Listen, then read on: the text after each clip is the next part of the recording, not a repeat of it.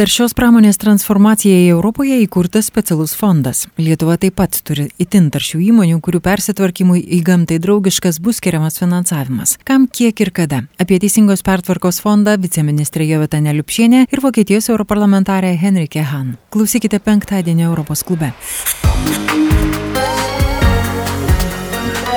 Europos klubas. Sveiki, prie mikrofono Vilija Kvedaraitė. Europos parlamentas prieš savaitę patvirtino Teisingos pertvarkos fondą. Jo tikslas - padėti persitvarkyti taršiai ES pramoniai siekiant neutralios klimato Europos. Fondo dydis - 17,5 milijardo. Vokietijos atstovė Europos parlamente žaliųjų frakcijos narė, dirbusi su šiuo fondu kaip pranešėjų nuo ekonomikos ir pinigų politikos komiteto, Henrike Han sako, kad labai svarbu, jog siekiant klimatų neutralios Europos pramonė gautų ne tik tikslus, bet ir paskatas, ką ir duoda šis fondas.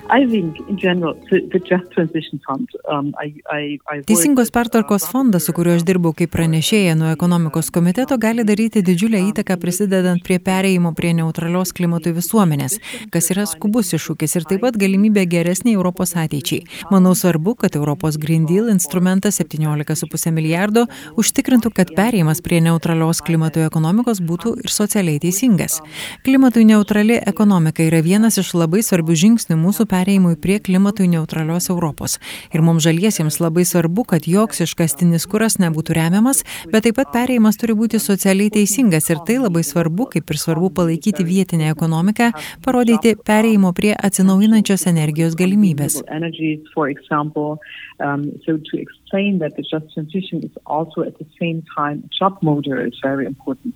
Anot Henrikės Han, ne tik anglies pramonės šalis, bet ir Lietuva susidurs su iššūkiais, nes turi energiją imles pramonės įmonės, ypač kai kuriuose regionuose.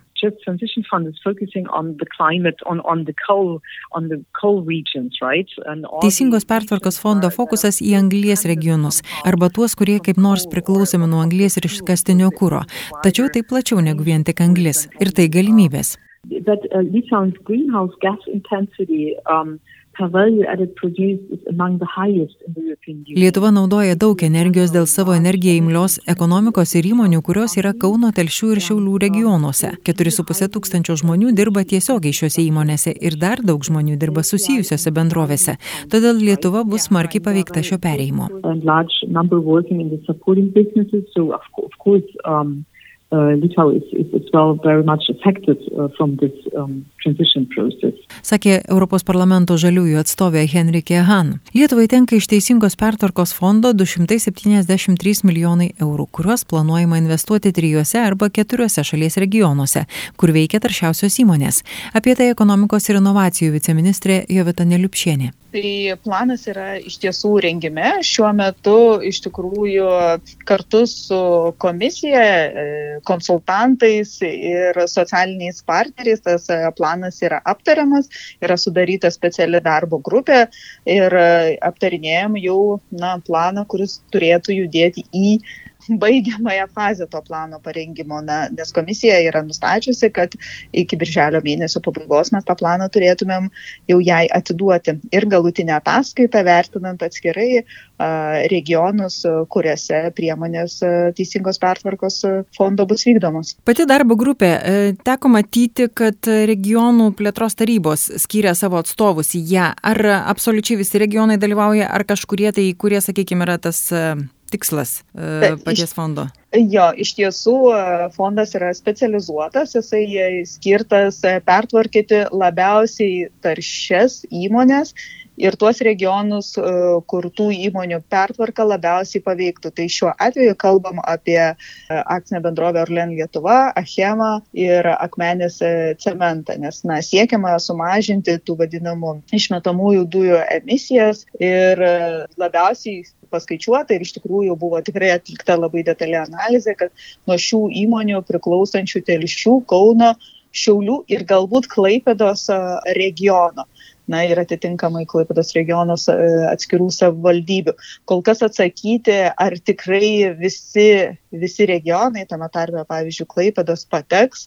Na, mes negalime, nes planas, kaip žinia, turi būti su, suderintas su komisija, bet iš principo ruošiame šių regionų veiklų planus. Na ir siekiam, kad ne tik tai įmonės persitvarkytų, tos taršiausios įmonės persitvarkytų, bet kad poveikis tiems regionams būtų na, kuo, kuo mažesnis. Tai, tai atitinkamai investuojam į konkurencingumo augimą ir priklausomybės nuo šių įmonių mažinimą. Kas maždaug tam plane, gal vis tiek aš suprantu, kad jisai nėra dar patvirtintas ir nėra galutinis, bet e, kokie tikslai? Ar viskas į šitas įmonės nukreipta, kur minėjot, ar kažkokiems kitiems e, galbūt prioritetams irgi bus skiriama, kaip aš nežinau, renovacija ar dar ten kas nors? Kokios konkrečios veiklos atsakyti iš tiesų dar šioje, šioje, šioje fazėje e, plano tvirtinimo negalim, bet taip dalis lėšų arba didžioji dalis lėšų pagal komisijos rekomendacijas turėtų būti nukreipta būtent pertvarkyti į taršiausias įmonės. Bet visi suprantam, kad na, įmonių pertvarkas gali turėti ir socialinių ekonominių pasiekmių tam tikrose regionuose. Tos pasiekmes yra vertinamos atsižvelgiant na, į darbuotojų skaičių iš atitinkamų savivaldybių, kiek galbūt galėtų paveikti, na ir kokią ekonominę naudą dabar tos įmonės sukuria, kurią galėtų regionai prarasti.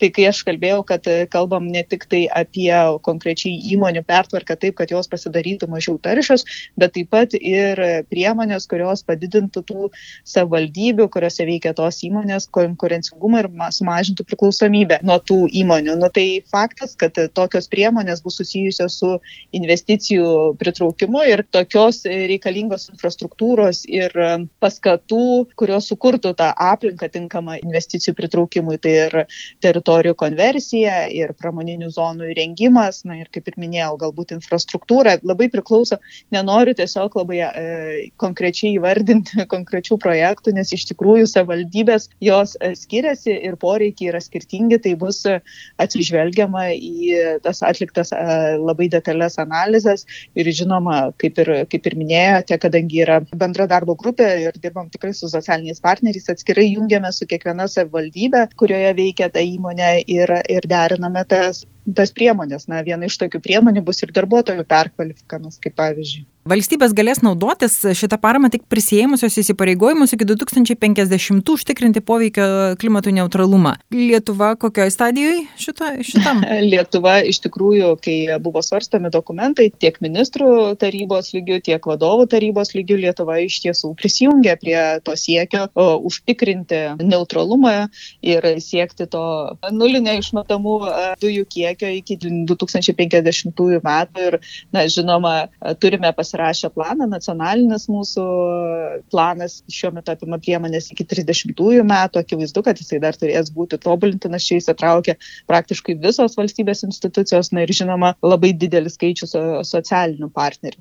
Tai e, tas tikslas yra ir mes tame plane dalyvaujam. Ir na, reikia prisiminti, kad iš tikrųjų tas Teisingos pertvarkos fondas, kai jisai buvo steigiamas 19 e, metais ir, ir kuriamas, na, tikslas iš tiesų buvo pertvarkyti visų pirma pačias taršiausias įmonės ir pramonės šakas. Viskas prasidėjo nuo anglies pramonės atsisakymo kai kuriuose valstybėse, bet kaip žinia, visos valstybės susiduria su iššūkiais ir vienas iš argumentų, kuris buvo išgirstas ir šalis narės tuo metu susitarė, kad vis tik persitvarkyti, ką pertvarkyti ir įgyvendinti savo nacionalinius planus turi visos valstybės, dėl to buvo atitinkamai e, ir sutarta ir tie tikslai dėl to ir yra pirmiausiai orientuoti į taršiausių įmonių pertvarką, o po to ir į socialinio ekonominio pasiekmių mažinimą, bet tuo pačiu vėlgi apie ekonomiką ir darbo vietų kitokių kūrimą ir priklausomybės nuo tų taršių įmonių mažinimą. Pasakojo viceministrė Jovita Neliupšienė, kūruojanti Teisingos pertvarkos fondo nacionalinio plano rengimą. Darbo grupė šį planą turi parengti iki birželio pabaigos ir pateikti Europos komisijai.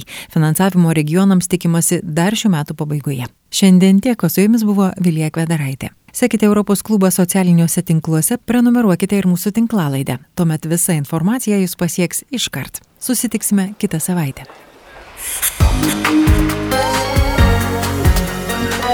Europos klubas.